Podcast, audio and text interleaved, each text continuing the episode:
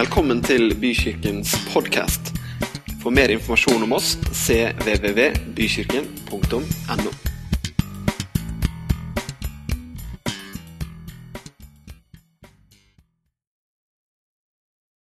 Ja, påsken er over. Vi satt og snakka om påsken hjemme her eh, ved frokostbordet. Ved frokostbordet det er en fin anledning til å ta opp de store spørsmål her i livet. Og Jeg husker ikke hva jeg sa, men i hvert fall så kobla Emily på med en gang. da, Påsken. Og så sa hun det at eh, Så spurte jeg, for å sjekke liksom om barnehagen følger opplegget sitt Hvem var det som hang ved siden av Jesus da på korset? Nei, det var to røvere. Ja, det er riktig, sa jeg. Ja, og det var de som gjorde tempelet til en røverhule, sa hun. Og så kommer jo da pastoren inn, og så sier han «Eh, Jeg vet ikke om akkurat det var dem som gjorde det. De var i hvert fall med på det, fikk jeg klar beskjed om. Så kan du studere grunnteksten sjøl og finne ut om det var de samme røverne. Men det som vi fryder oss over, det er at han hang ikke bare på korset, men han overvant døden. Han sto opp igjen fra de døde. Bibelen sier det var ikke mulig for døden å holde han igjen. Det er derfor vi er samla her i dag, for det var ikke mulig for døden å holde Jesus Kristus igjen. Halleluja. Det var stor begeistring i folket. Vi skal be sammen. Skal vi be en felles bønn? og skal ikke jeg fortelle deg hva du skal be, men jeg skal gi deg et forslag. Skal vi be om at uh, hjertet vårt skal være sånn god såjord? Nå er det vår, vet du, jeg har begynt å pakke ut drivhuset, og vi er snart i gang. Men skal vi be om at hjertet vårt skal være åpent? Det skal være god såjord. For du skal få Guds ord servert i dag. Og hvis det ordet som han gir, finner godt jordsmonn, da skjer det noe i livene våre. Så kan du være med på den bønnen eller ikke, men jeg skal i hvert fall be. Jeg takker deg, Herre, for at ditt ord er levende. Takk at det gjør det som du sender det til. Det utfører det som det nevner, og det har kraft i seg til å forvandle enhver situasjon.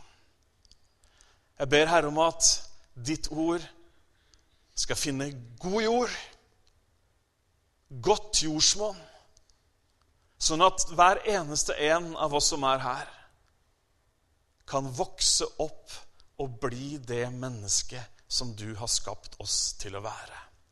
Ikke noe mindre enn bli det mennesket som du har skapt oss til å være. Er du med på et amen? Noen søndager nå så har vi snakka om veien videre. Vi har snakka om det fra litt ulike ståsted. Vi har understreka det at som en troende, som en etterfølger av Jesus, så er vi på vei videre.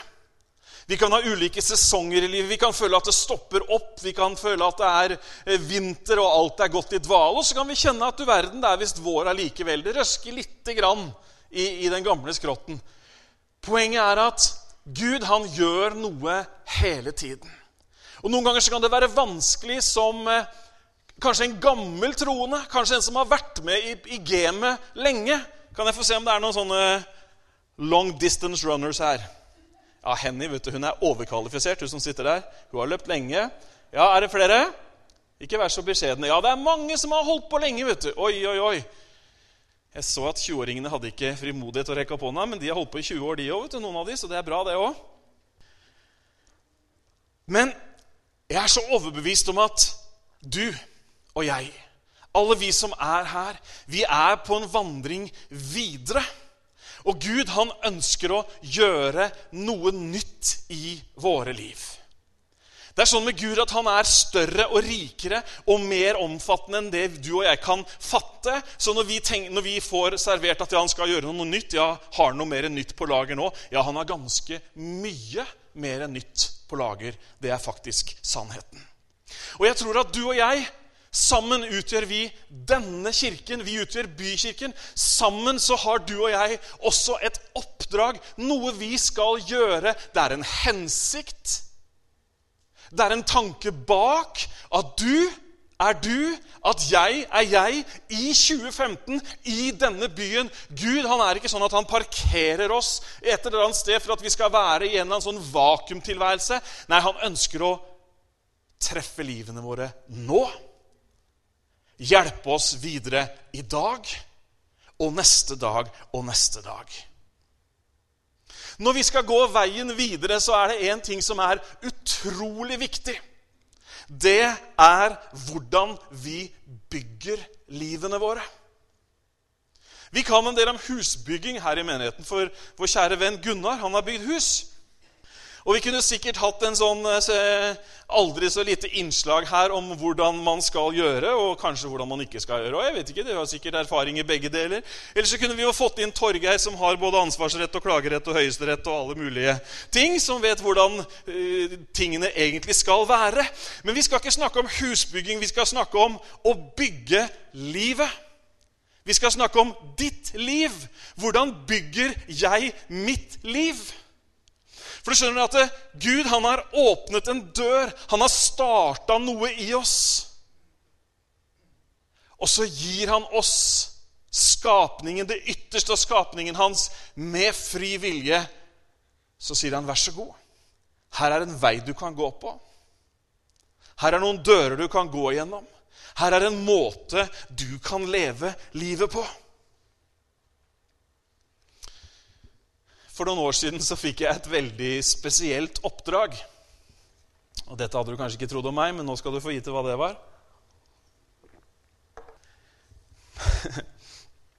kanskje ikke så spesielt for deg, men for meg så var det litt spesielt. Det kom en, eh, en Herrens tjenerinne. En kvinnelig predikant av verdensklasse skulle komme til Norge. Og så ble jeg spurt om å være livvakt for henne.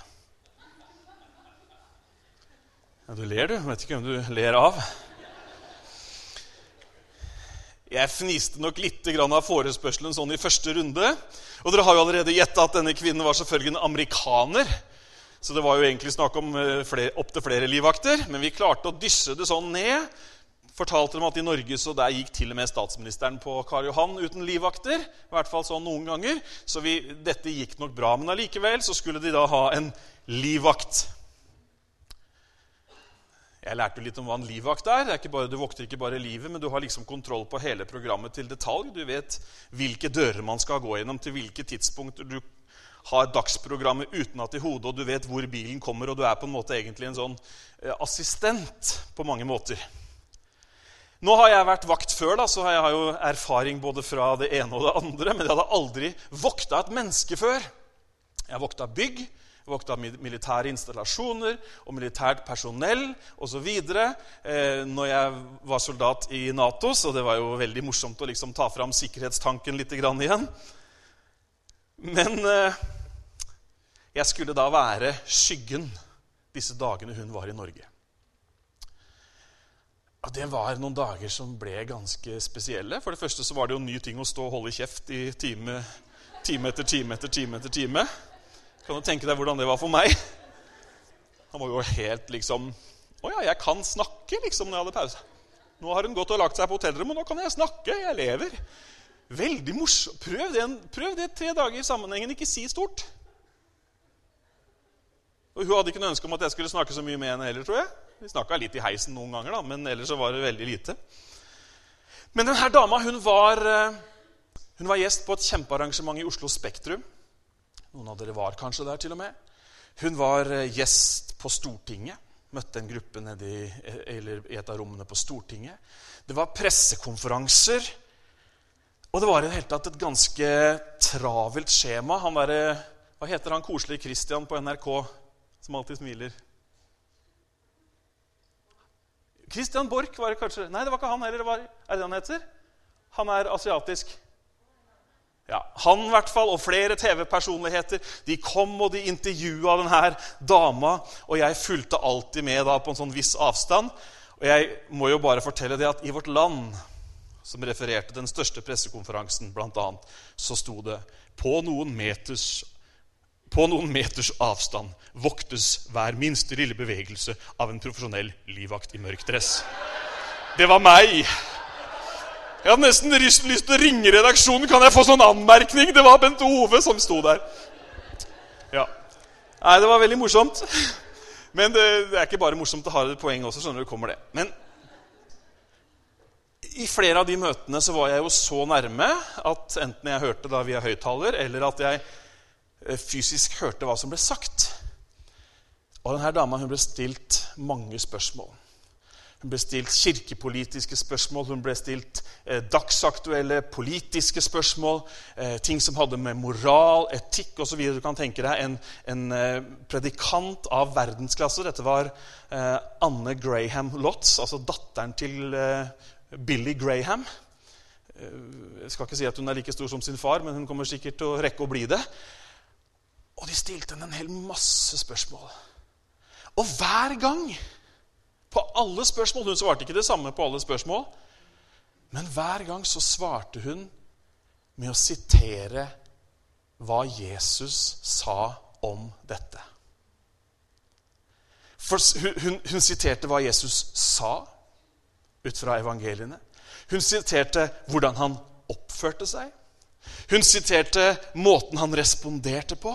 På hvert bidige spørsmål, så dro hun inn personen Jesus Kristus og lot han være svaret.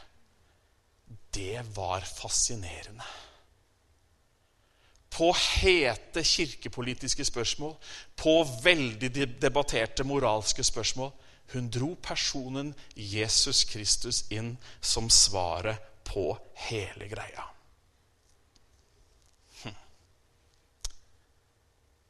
Når hun dro, så fikk jeg en gave. Thank you, Ben, for your, your attentiveness during my stay in Oslo. En bok som hun hadde skrevet, som het Just Give Me Jesus. Bare gi meg Jesus. Paulus følger for øvrig det opp og sier, 'Jeg vil ikke vite av noe annet iblant dere enn Jesus Kristus' og han korsfestet.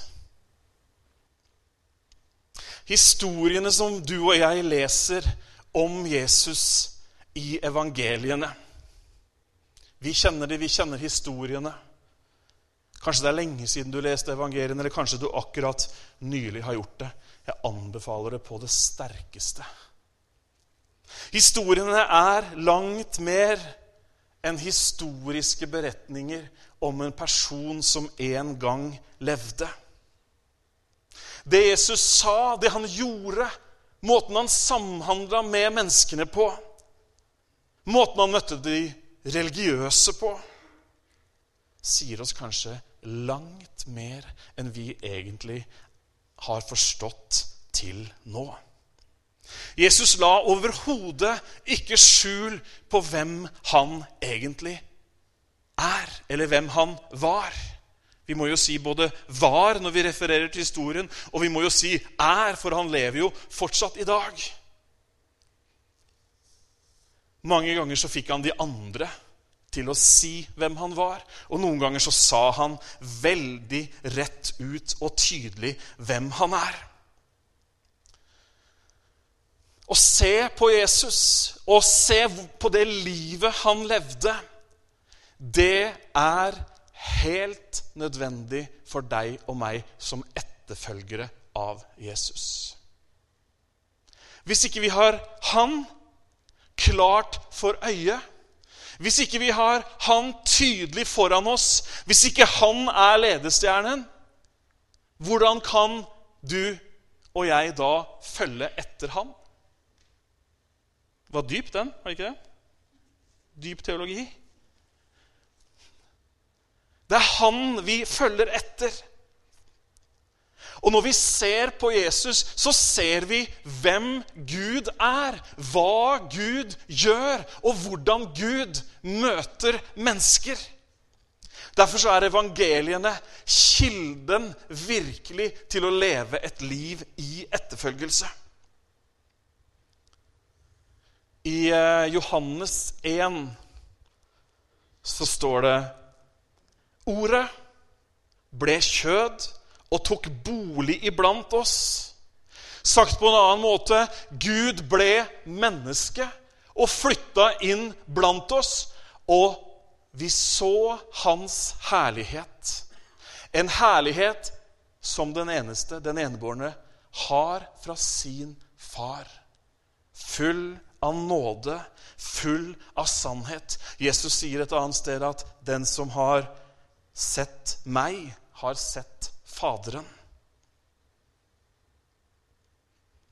Det står litt seinere, etter det jeg akkurat siterte, så står det 'Aldri har noen sett Gud'.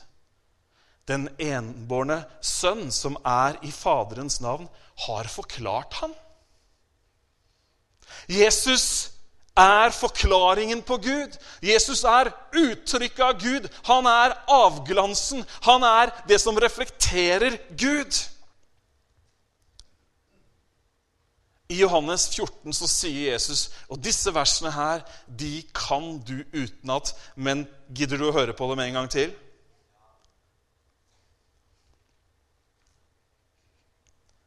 Jesus sier, 'Jeg er veien' sannheten og livet.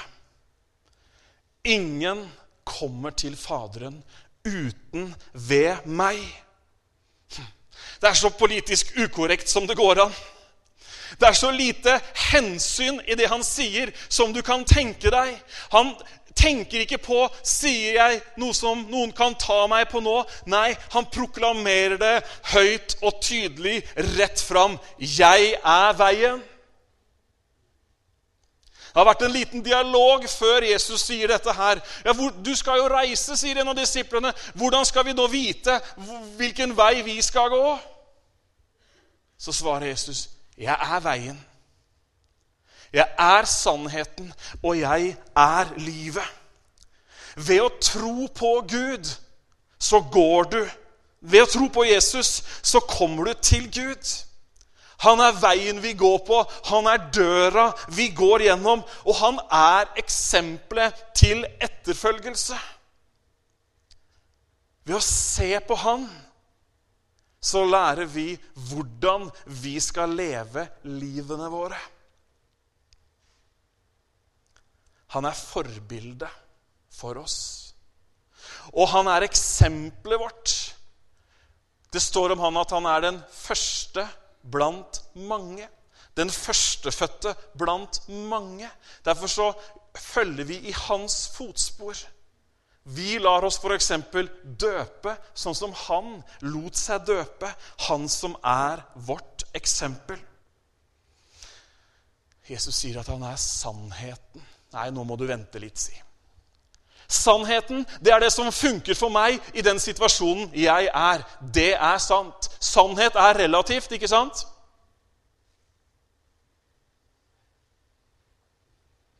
Men nå var dere ikke helt enige her. Noen gjør sånn, og noen ruller nakken og strekker ut etter joggeturen i går. og... Jesus sier ikke at han er én av sannhetene. Nei, han sier at han er sannheten i bestemt form. Han er sannheten om Gud. Det finnes ingen annen person i verdenshistorien som har blitt fremvist, tolket, eh, forsøkt forstått og, og gjort til gjenstand for alle mulige meninger og tolkninger så mye som personen Jesus Kristus. Forfattere har lagt ut om han. Kunstnere har uttrykt han. Arkitekter har designet fantastiske bygninger til ære for Guds storhet. Alle syns, alle mener, alle har en teori. Har du hørt den derre 'For meg så er Jesus' Ok? Det er helt greit hvis for deg så er Jesus noe som Bibelen også sier han er. Men hvis han ikke er noe som Bibelen sier at han er, da må vi justere opp mot originalen. Er du med på det? Det er ved å studere originalen at vi kan avsløre etterligningene. Jeg skal bekjenne en synd. Jeg var i Pakistan i, på 90-tallet. Så kjøpte jeg en klokke som ikke var det den sa at den var. Du tok den? Bare en liten parentes. Faren min er urmaker. Du skulle sett ansiktet på han når jeg kom hjem med en sånn klokke. Jeg skal ikke si at det var å synde mot ånden, men det var neimen ikke langt unna. Sorg traff han, vet du. og jeg gikk med denne klokka. Den var ikke sånn, var ikke sånn tikronersklokke. Den kostet, det var til og med i en butikk, men det var ikke en Tag Hoier i det hele tatt. Men det så ut som en Tag Hoier. Jeg har den ennå. Den går ennå, faktisk. Så så gæren kan den ikke være. Men så tenkte jeg da, vet du, jeg var jo mye yngre enn det jeg er nå, så jeg hadde jo ikke gjort det samme nå. ikke sant? Si det til sidemann. Han hadde aldri gjort det nå. Nei, For jeg tok rett og slett en spansken i en klokkebutikk på Aker Brygge. Og så gjorde jeg litt sånn, og så kom jeg inn i butikken og så Du, jeg har fått meg en klokke her som jeg lurer på om du kan fortelle meg litt mer om. Sier jeg til han der som står bak skranken, omtrent der hvor Anne sitter nå. Og jeg liksom det er fake, sånn. På fire meters avstand. Det er en kopi. Og du vet, Jeg var jo nesten lamslått. Hadde jeg ikke vært ekstra nysgjerrig, så hadde jeg vel bare løpt på dør, for jeg var jo avslørt der og da. Og så sa han, 'Jeg skal fortelle deg hvorfor dette er en fake. Hvorfor det er en kopi.' Det er ikke noe gærent med den klokka du har, sa han. Går sikkert fint og bra metall i kassa. og Det ene og det andre. Det er bare at Tag Hoier har aldri laga en klokke som ser sånn ut. Altså, Det fantes ingen modell av den klokka som hadde den formen og, og, og den, det utseendet. De hadde bare tatt merket Tag Hoier og satt på. Hvordan kunne denne urmakermesteren si det sånn? Han hadde sett originalen gjennom lupa så mange ganger. Han hadde lest katalogen. Han hadde fulgt med på oppdateringene. Han hadde sørga for at han visste det han måtte vite for å kunne være en autorisert forhandler av holdt jeg på å si Jesus Kristus, men av Tag Hoier. Skjønner du bildet? Når jeg snakker om å bygge liv i dag, så snakker jeg ikke om det for at vi skal liksom få et eller annet tredd over oss. Men vet du hva? Vi er autoriserte forhandlere av Jesus Kristus. Var ikke den bra? Det står det på butikkvinduet vårt, det står det på visittkortet vårt. Og da må vi bygge livene våre, da må vi bygge kompetansen, om du vil. Da må vi sørge for at vi har Han så på innsiden at vi umiddelbart kan si 'kopi'! Fake! Ja, men finnes det det der blant de troende? Vet ikke. Har ikke sagt noe om det. Men det er i hvert fall mye rart som får navn av å være Gud. Det er mye, mye rart som liksom får navn av å være Jesus. Men vi driver ikke en kirke for å prøve å kopiere et eller annet. Vi prøver heller ikke å utvikle en ny modell, by the way. Vi har originalen. Han er oppstått. Og han er oppstått, sånn at ditt liv kan reises opp og følge etter han. Yes, den var bra. Den var veldig bra. Han er oppreist sånn at ditt liv kan reises opp til å følge etter han. Det er det vi holder på med. Vi har ikke tenkt å prøve å finne opp en ny Jesus. Vi har ikke tenkt å lage vår metode. Vi er ikke så opptatt av eh, metoden, vi er opptatt av misjonen. Vi er ikke så opptatt av hvordan vi gjør det, selv om vi tror vi kan være lure og smarte for ikke å snø helt inne i 2015. Men det er oppdraget som er viktig. Oppdraget er todelt for denne menigheten. Det er at du og jeg skal sammen sette hverandre i stand, sånn at vi vokser som troende. Del to av oppdraget er at vi skal nå nye mennesker. Hvis du har en eller annen bestilling til menighet, der hvor du har lyst til å tilhøre, så får du sjekke tilbudet et annet sted. Sa ikke farvel til noen. Jeg bare sa hva vi har tenkt å drive med. Og så innbefatter det mange ting. Det innbefatter barnearbeid og ungdomsarbeid og mange ting. Men det er det som er menighetens oppdrag. Det er at du og jeg skal gjøre, dele Guds ord, dele liv, be sammen, sørge for at troen vokser, og vi står stødige som etterfølgere av Jesus. Og så gjør det oss i stand til å nå faktisk nye mennesker. Kan du, svare på det, kan du ikke smake på det deilige begrepet nye? Det er fint. Nye. Ja, veldig bra. Jeg ser at du gjør det, så det er ikke noe misfornøyd det. Langt inn i hjertet ditt så ser jeg at du er kjempebegeistra. Skulle bare visst hva du ser når du står på scenen. Han er sannheten om Gud. Har vi ikke kommet lenger enn det? Nei. nei. Der kan du se. Hmm.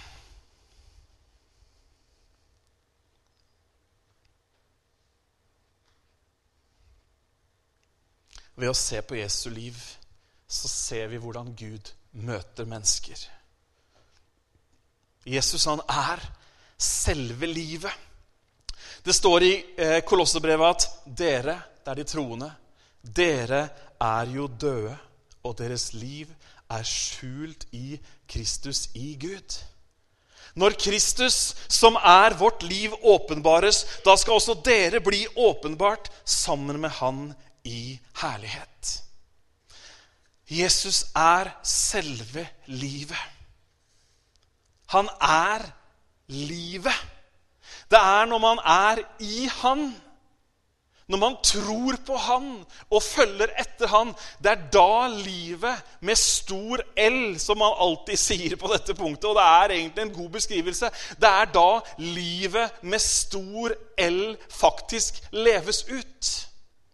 For da er det ikke bare et kort jordisk liv her nede, men da er det et liv som har hele evighetsperspektivet med seg.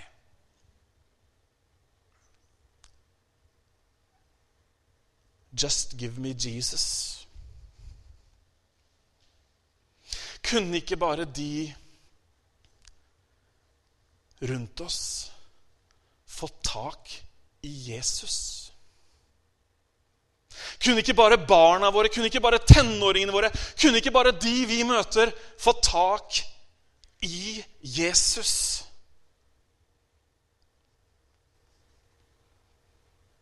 Vi liker å si at vi bor i en kristen nasjon. Det står i Grunnloven, er det i paragraf 2 vel, at vi har en offisiell statsreligion som er den evangelisk-lutherske osv. Likevel så går eh, flesteparten av Norges innbyggere rundt med en helt annen oppfatning av Jesus enn det jeg har. Man kristner ingen med sverd. Man føder ikke nytt liv ved lov.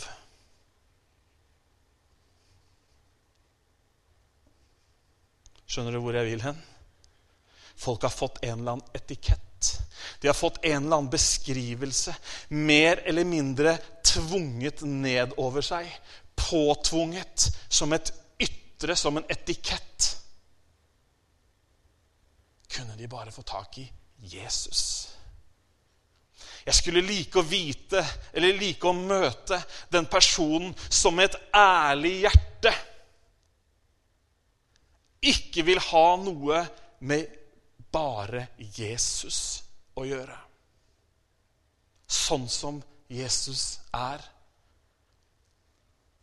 Sånn som han beskrives, sånn som han lever i dag. Men det er hele den der andre pakka som folk har store problemer med.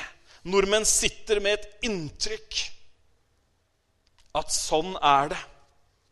Og vi kristne Jeg har ikke lyst til å si vi kristne engang, for jeg kjenner meg ikke igjen i den kategorien. Men kristne, kan jeg si da, for da snakker jeg om noen andre enn meg sjøl, i hvert fall, opp gjennom tidene har liksom vært nei-folket framfor noe annet. Nei! Ikke! Ikke klipp på søndag! Ikke strikk på søndag! Kan du tenke deg? Ja, vi er mot! Vi er mot dem! Vi er mot alt, er vi er mot det, den, og den nye ting, det er vi mot. Jeg sier ikke at det er sånn her nå. Men jeg prøver å si litt om den mentaliteten som har forma samfunnet rundt oss gjennom mange tider. Pietismen, ikke sant? Mye bra med pietismen. Men hvis det bare blir etiketten og ikke innholdet, det nære, rene forholdet med Jesus, så blir det bare lover og bud. Men Jesus han vil at vi skal bygge livene våre sånn at vi kan spre hans rike. Han vil at vi skal leve sånne liv som vekker oppsikt. Han vil at vi skal være positivt annerledes. For vi er annerledes. Som troende så er vi annerledes. Vi har Jesus som Herre og Frelser. Vi lyder Gud mer enn mennesker. Vi har en evighet vi ser imot. Vi har Guds ånd på innsiden. Ja da, vi er annerledes, men ikke negativt annerledes. Vi er positivt annerledes. Vi skal eh, gå inn i siste kapittel.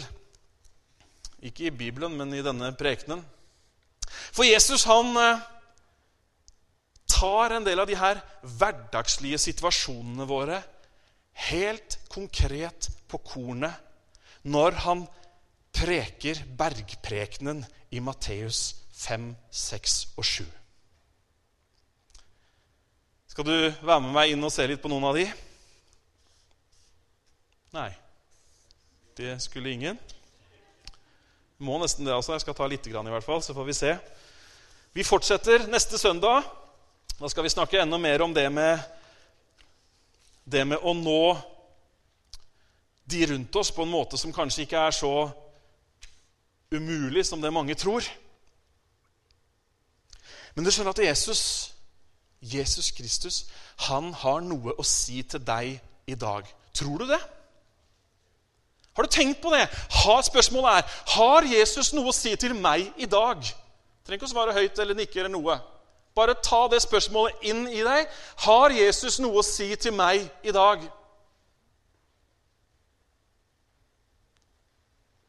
Mest sannsynlig så tror veldig mange det. Man har jo dukka opp på en gudstjeneste, og man setter seg jo med ører og øyne åpne og prøver å høre hva som blir sagt, og prøver å ta det til seg. Men det er viktig å stille seg det spørsmålet, fordi at Gud har aldri tenkt at vi skal være en sånn runddans i religiøse miljøer og være litt her, være litt der, oppleve litt, ta en tørkeperiode osv.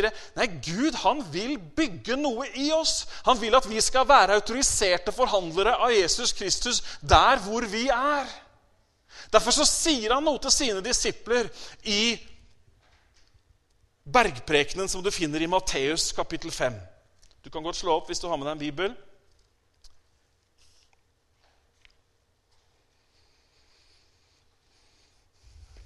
Og vi, slapp av, vi skal ikke ta hele bergprekenen vers for vers nå. Da kunne vi sitte her til neste påske omtrent.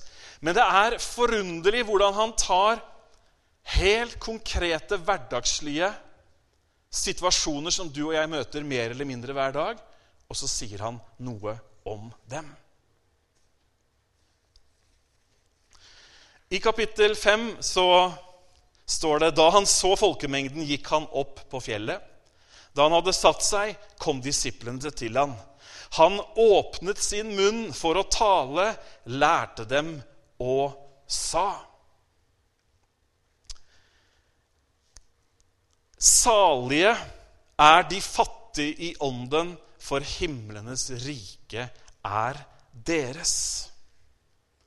Salig er de som er fattige i ånden, for himlenes rike er deres. Å være salig uttrykker en form for glede som er ren, tilfreds, og som ikke er avhengig av omstendigheter i det hele tatt. Det er å være salig. Å være glad det kan vi være basert på holdt på å si, alt fra dagsform til hva som serveres til middag. Men å være salig, det er en ren tilfredshet som ikke bygger på omstendigheter i det hele tatt.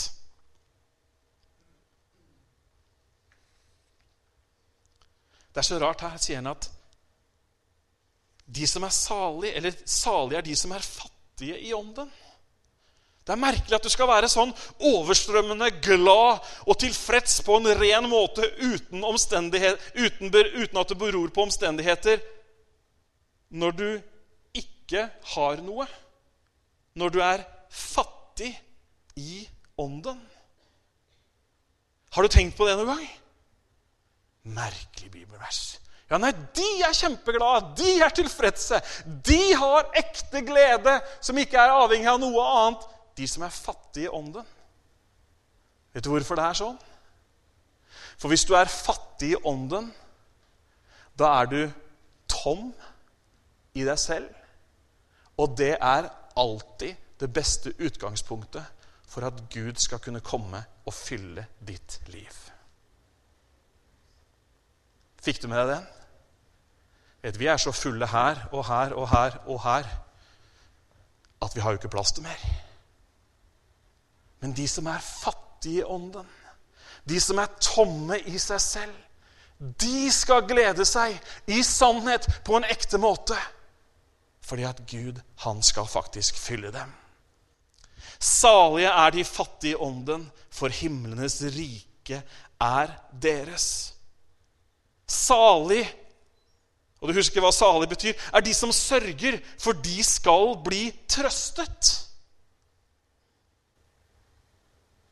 I det verset her så ligger det klart og tydelig at hvis du virkelig har sorg Og ordet som brukes som sorg her, det er det kraftigste uttrykket for sorg.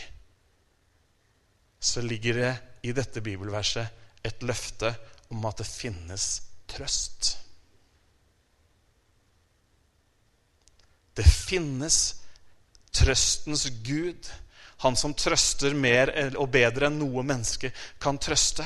Derfor så kan din glede være tilfreds. Den kan være ren, og den trenger ikke å bero på omstendigheter. Men Gud, han fyller opp. Er ikke det herlig? Vi kunne fortsatt veldig mye mer, men nå kommer barna veldig snart ned. Og jeg har lyst til å bare hoppe til kapittel 7. Og det er på slutten av eh, bergprekenen, i vers 24. Derfor vær den som hører disse mine ord, og gjør etter dem. Hm. Tydeligvis ikke nok å høre, bare. Jesus sier ikke 'vær den som hører disse mine ord', men 'den som hører disse mine ord, og som gjør etter dem'. Ham vil jeg sammenligne med en klok mann som bygde huset sitt på fjell. Og regnet øste ned.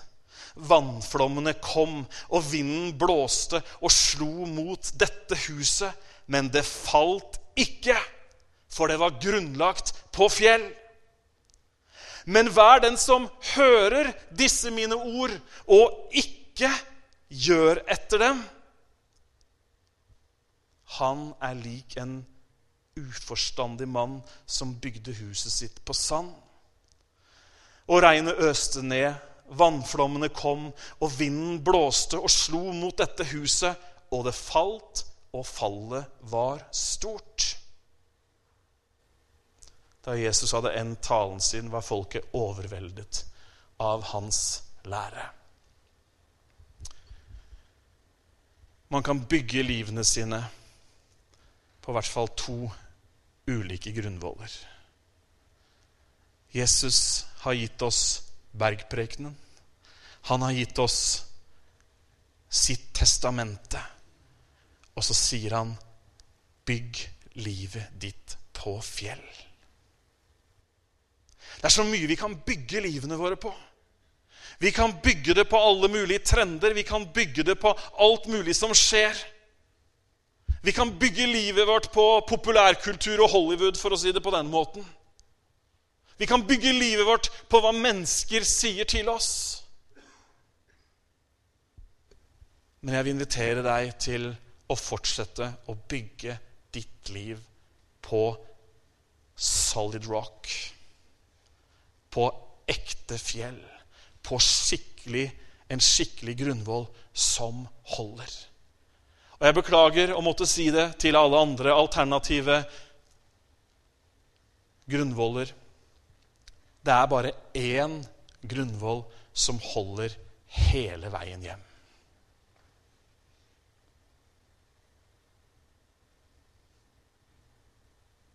Kunne de bare fått Jesus? Det er vi som skal gi dem Jesus. Det er vi som skal gi barna våre Jesus. Det er vi som skal gi de rundt oss Jesus. Vi har ikke et ønske om å få med flest mulig på en eller annen sosial, hyggelig happening. Og så kommer de innom to, kanskje tre, kanskje fire ganger. Og så kan de liksom si 'Nei, jeg har vært der. Det var ikke noe særlig, det heller'. Er du med på tanken? Jeg har lyst til at de skal komme, og så skal de møte deg, som har bygd livet ditt på noe annet. Som er positivt annerledes. Har du prøvd å være positivt annerledes sånn på jords? Funker hver gang. Det funker hver gang. Ta deg en runde rundt i Tønsberg og kjøp noe småtteri eller ta deg en kaffe, og så bare er du positivt annerledes mot alle de menneskene du snakker med. Hva er det med han der, da? Hva er det med hun? Det skal ikke så mye til. Velsign dem som forbanner dere. Skal vi ikke forbanne litt tilbake, da? Var det dårlig service? Jeg har snakka med noen kristne, og jeg tenker de må være de verste kundene jeg noen gang kunne fått inn i butikken. Huh. Du snakker om klagerett du, og Høyesterett og alle andre ting de kan. Vi skal være brev, kjent og lest. Vi skal være Kristi velduft. Isteden så går vi rett inn i de fellene som Jesus beskriver i bergprekenen. inviterer deg til å lese bergprekenen. Der snakker han om bekymringer. vet du. Skal ikke ha noen håndsopprekning på bekymringer, for da hadde vi ikke hatt hender nok. Men han sier, 'Ikke vær bekymret'. Hvis Gud, han som har gitt deg selve livet, og har vært i stand til å gi deg livet, skulle ikke han da sørge for de andre tingene også? Vet du hva det eneste bekymring gjør? Det er å Bekymring for morgendagen ødelegger bare den dagen du har nå i dag. Ta styrken fra den. Tar effektiviteten fra den. Se på Jesus. Ta ham på ordet. Vil du være med på å reise deg opp? Og så kan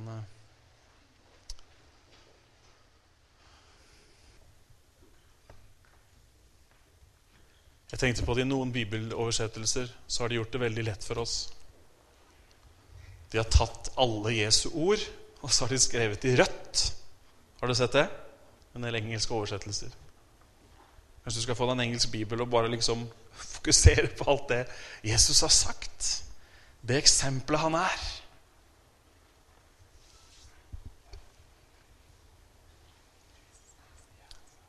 Jeg har lyst til at vi skal be sammen. og jeg kan ikke gjøre mer enn å kaste frøet.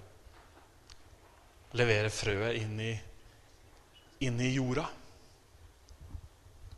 Men eh, vi har bedt om en god jord. Og så har jeg lyst til å utfordre deg til å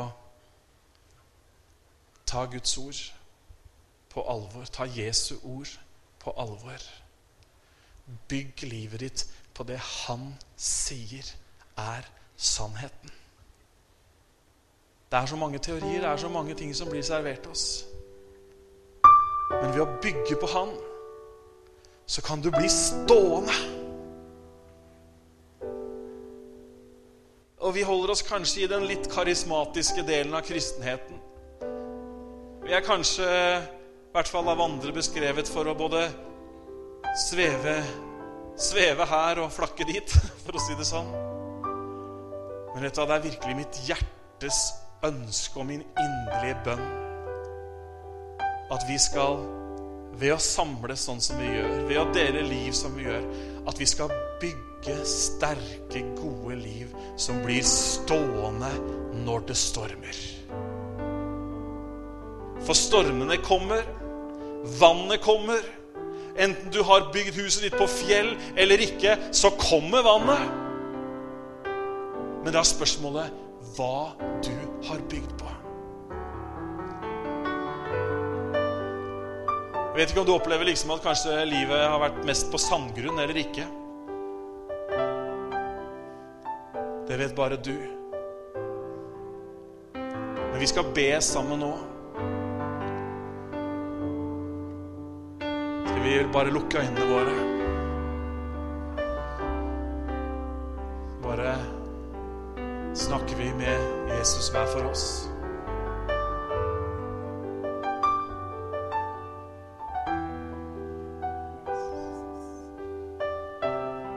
Noen tenker nå at det er for seint for meg å bygge på fjell.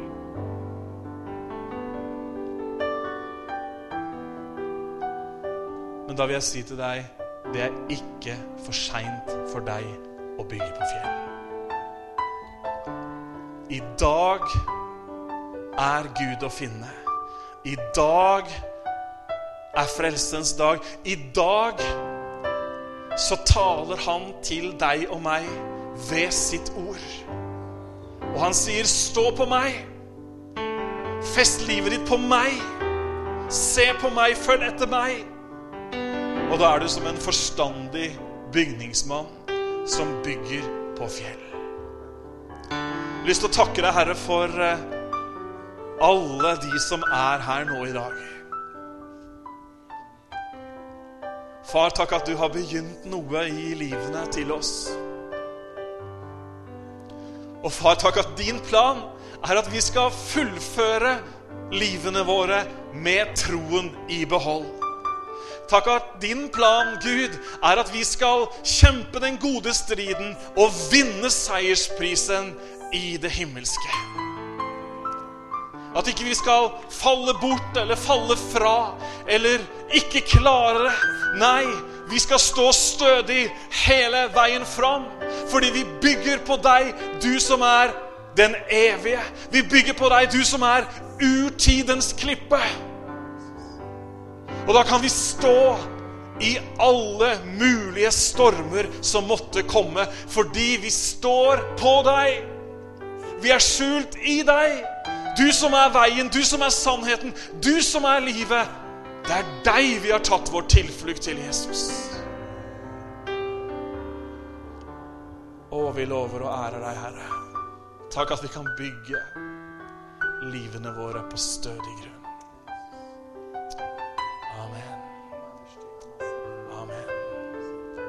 Ta med deg Guds ord hjem. Ta med deg det Gud har sagt til deg i dag, i hjertet ditt. Og ikke vær som en uforstandig bygningsmann som ikke gjør etter det, men vær som en forstandig bygningsmann som både hører og som gjør. Gud velsigne